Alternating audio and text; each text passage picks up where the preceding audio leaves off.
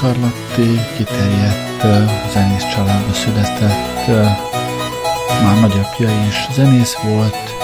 a gyerekei közül több is, mármint hogy a nagyapja gyerekei közül több is zenész lett, de a legkiemelkedőbb közülük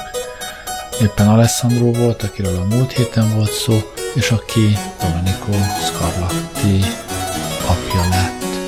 Aztán persze számos testvére, unokatestvére,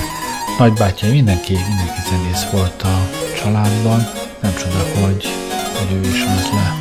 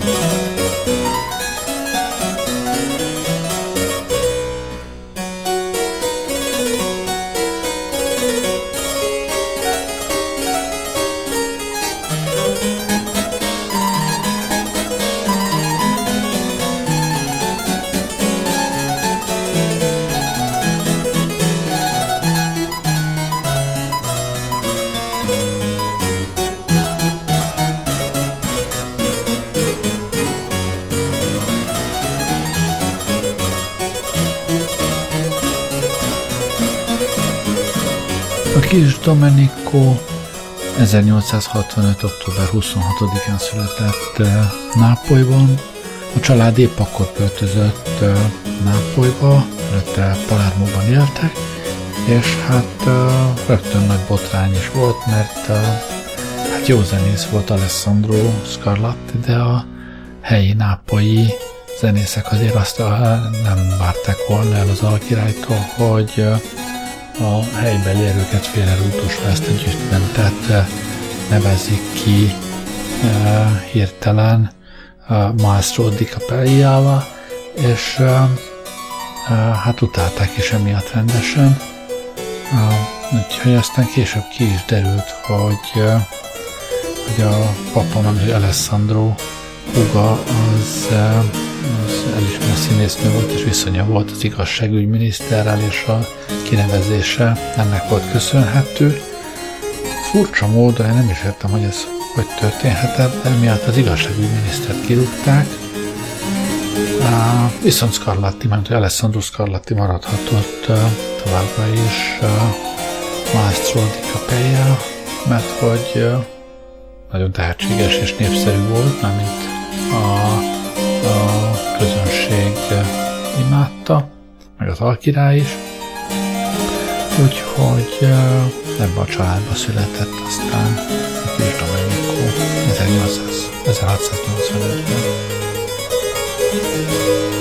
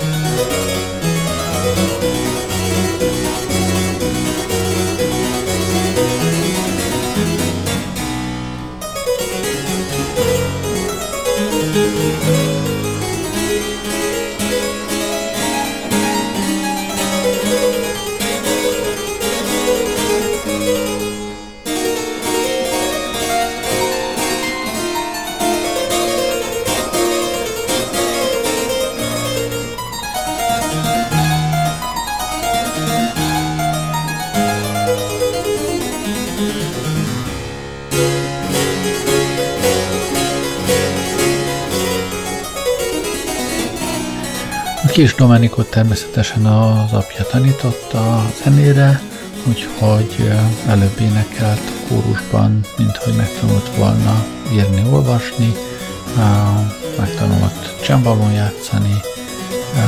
apja amúgy is direkt oktatódarabokat írt neki, vezette a régebbi a korabeli mesterek műveibe, úgyhogy nagyon korán kiváló zenész lett, aminek aztán meg is volt az eredménye, 16 éves volt, amikor a királyi kápolna organistájával nevezte. Nyilván őt is imádtak ez ügyben az egyéb organisták, akik erre a pályára, erre a pozícióra pályáztatni.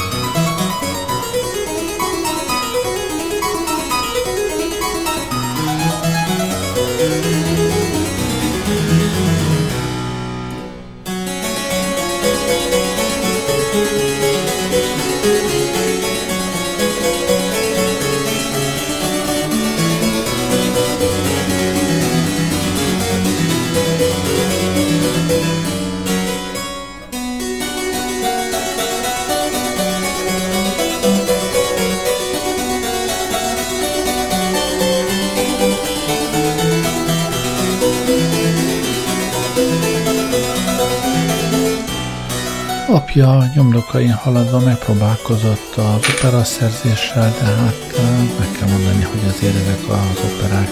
nem csak, hogy nem voltak annyira jók, mint az apja, hát hogy alapvetően is eléggé, eléggé gyenge uh, művek. Uh, aztán uh, 1750 Alessandro kérőszakolta, hogy a fia utazzon el Velencébe és tanuljon ott, ami aztán nagyon tanulságos volt a, a számára. Nagy élet volt akkoriban Velencében, a Vivaldi is ott tanított, de hát egyéb, egyéb nagymesterek mellett is tudott tanulni. A csámballó játéka akkor tökéletesedett ki. Érdekes módon a, az egyik legrészletesebb feljegyzés egy ír csámballó művész sztoria nyomán maradt ránk, aki éppen átutazott akkoriban Velencében, és hát ő is elment az egyik ilyen házi koncertre, ahol föllépett, és hát meglehetősen elégedett volt a, az előadásával, egészen addig, amíg valamivel később hát egy helybeli erőt is odahívtak, hogy akkor is játszom valamit, és hát aki, aki ezerszer jobban, saját bevallás az egy ezerszer jobban és szebben játszott egészen különleges technikával, hát ez volt, ez volt Domenico Scarlatti, olyannyira, hogy ez az ír csembaló művész először azt mondta, hogy hát akkor készül többet nem játszik, vágják le az ujjait, ő, ő felhagy ezzel a mesterséggel, ha ezt így is lehet csinálni. Aztán összeismerkedtek, összebarátkoztak, és egész addig, amíg jóval később haza nem utazott, addig együtt utazgatott, ez az ember legyen meg a neve is, Rosengrave, együtt utazgatott Scarlattival, együtt mentek el Rómába is, Nápolyba és aztán később nagy szerepe volt abban, hogy Scarlatti művei részben ránk maradtak, részben arra, hogy Angliában azokat nagyon hamar kezdték el játszani, mert hogy a barátságuk megmaradt, és Scarlatti elküldte neki a, a műveit, és Rosengrave pedig részben a saját koncertjeire játszotta, részben kiadta, mindenképpen népszerűsítette Scarlattit angol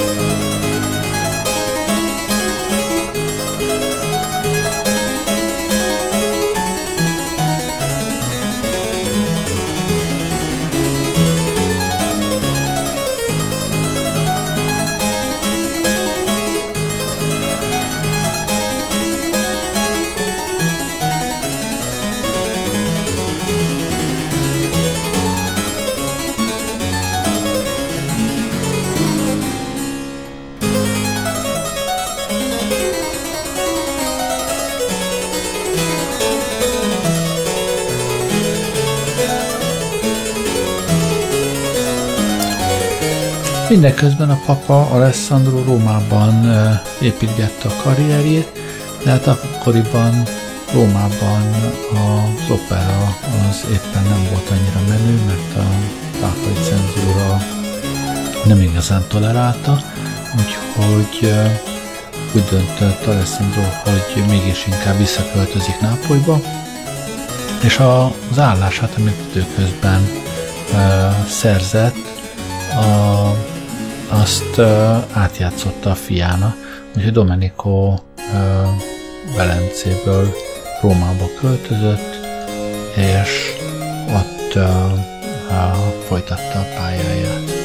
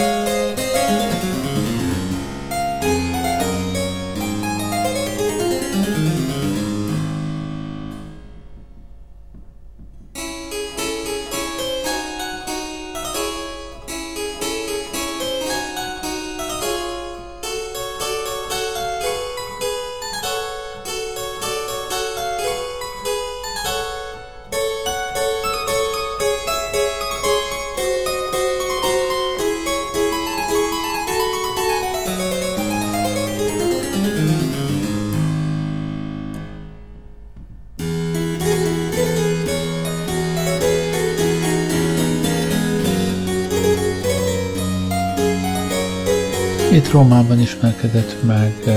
Corellivel, aztán valamivel később itt futott össze Handel is, aki, akivel hát összereztették, hogy, hogy ne betelkedjenek a virtuózok, és hát különböző leírások különböző eredményeket mondanak, de leginkább talán az a valószínű, hogy Csembalóban Scarlatti jobb volt, orgonában meg talán Handel, de minden esetre ők ketten egymásban felismerték és elismerték a, a tehetséget, vagy a, vagy a zsenit, úgyhogy ők is jó kapcsolatban maradtak a továbbiakban. Rómában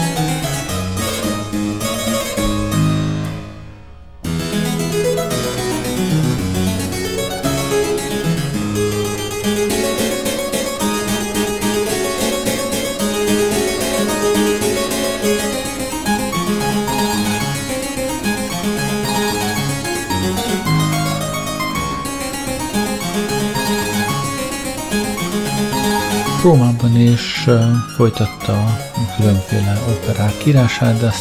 aztán egyre több egyházi művet is írt,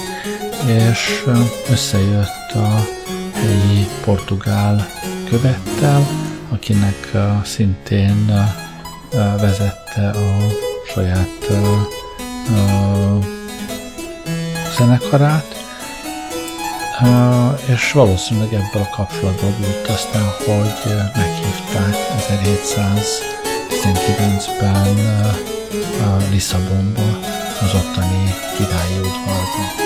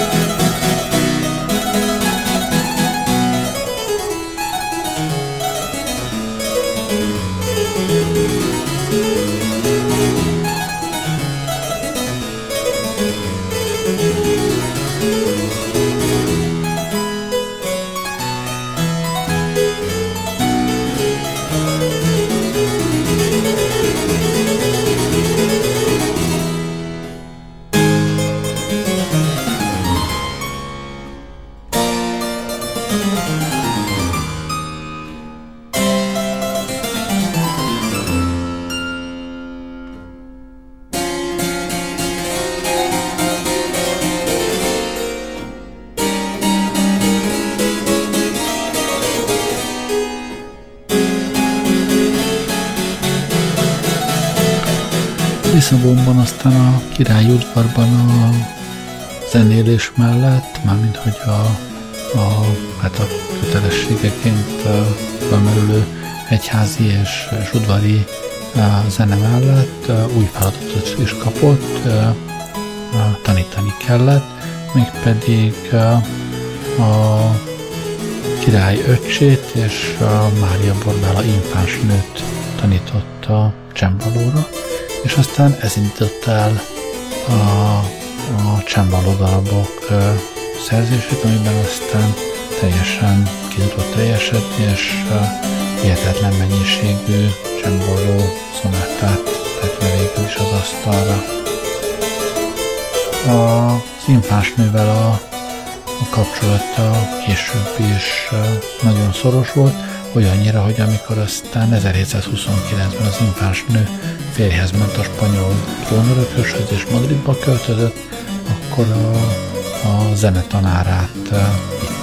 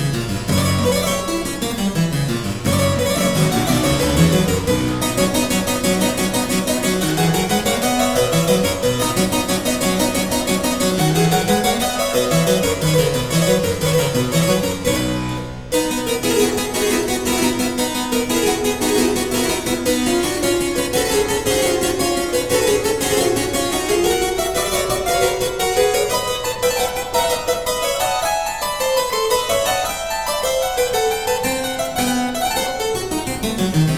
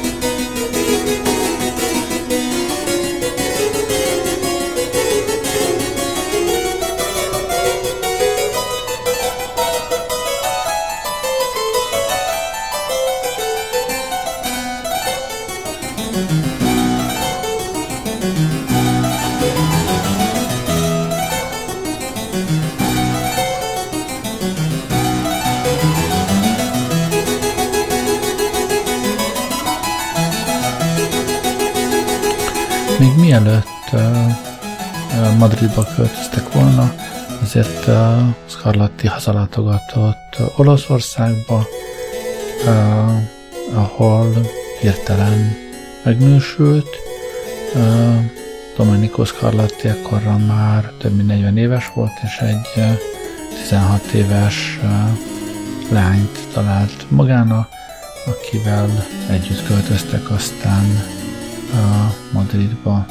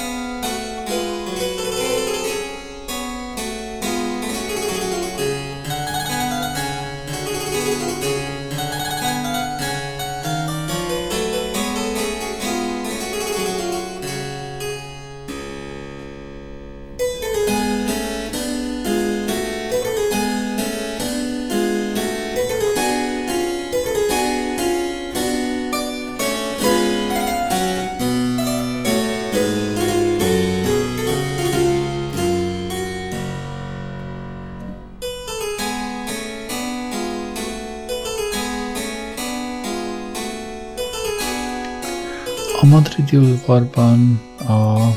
Lisszabonihoz hasonlóan nagyon uh, kiterjedt és fejlett zenei élet uh, zajlott, olyannyira, hogy uh, voltak külön az egyházi zenéhez, az udvari zenéhez, mindenhez voltak megfelelő mesterek, úgyhogy Scarlattinak nem kellett a továbbiakban ilyen paszkokkal foglalkoznia, úgyis a csembaló volt addigra már a, a figyelmének központjában, úgyhogy nem is csinált mást Madridban, kizárólag csembaló darabokat szerzett.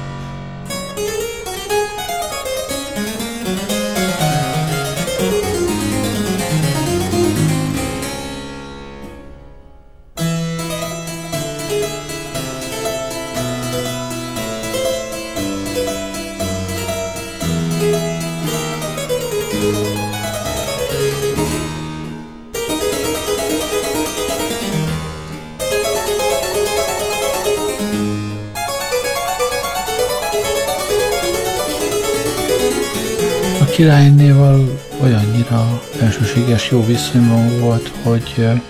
a királynő meglehetősen nagy vagyont írt a javára a végrendeletében. Hát az sajnos Scarlatti pekje, hogy erre a, a vagyonra aztán végül is nem tudott szert tenni, mert hogy ő halt meg egy évvel előbb, mint a, a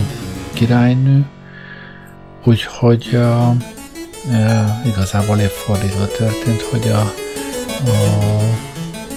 a Scarlatti uh, darabok másolatai kerültek a királynőhöz, aztán a királynő hagyatékából Farinellihez, és egy elég jelentős mennyiségű Scarlatti darab így maradt meg, aztán a, a velencei irattárokban, hogy Farinelli azt magával vitte.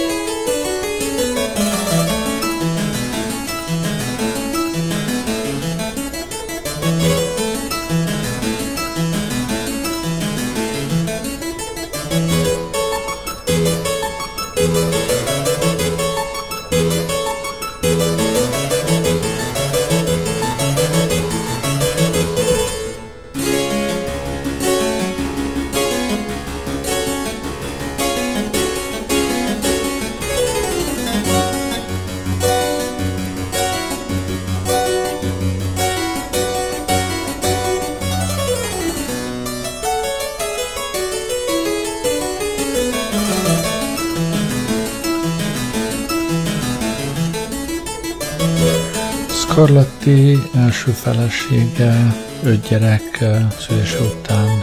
meghalt, Scarlatti újra megnősült, akkor már egy spanyol jó asszonyt vett feleségül, onnan is lett négy gyereke, de arról nem tudok, hogy közülük bármelyik is zenész lett volna.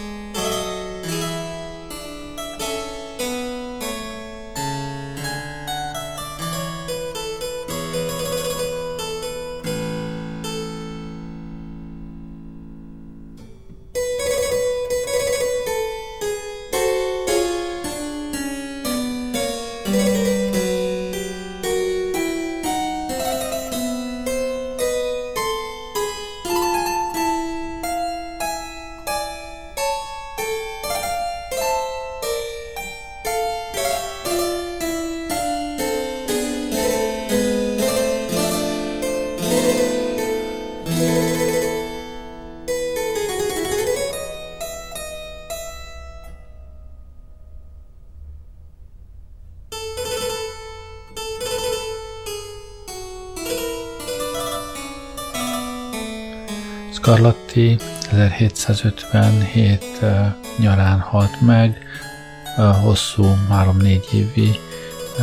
súlyos betegség után. 70 egy nehány éves volt, 71 éves volt talán, amikor meghalt. Még egy, egy darabot hallgassunk meg tőle, arra már nem beszélek rá, köszönöm, hogy velem voltatok ma este. Jó éjszakát kívánok, Gerlei Rádiózott.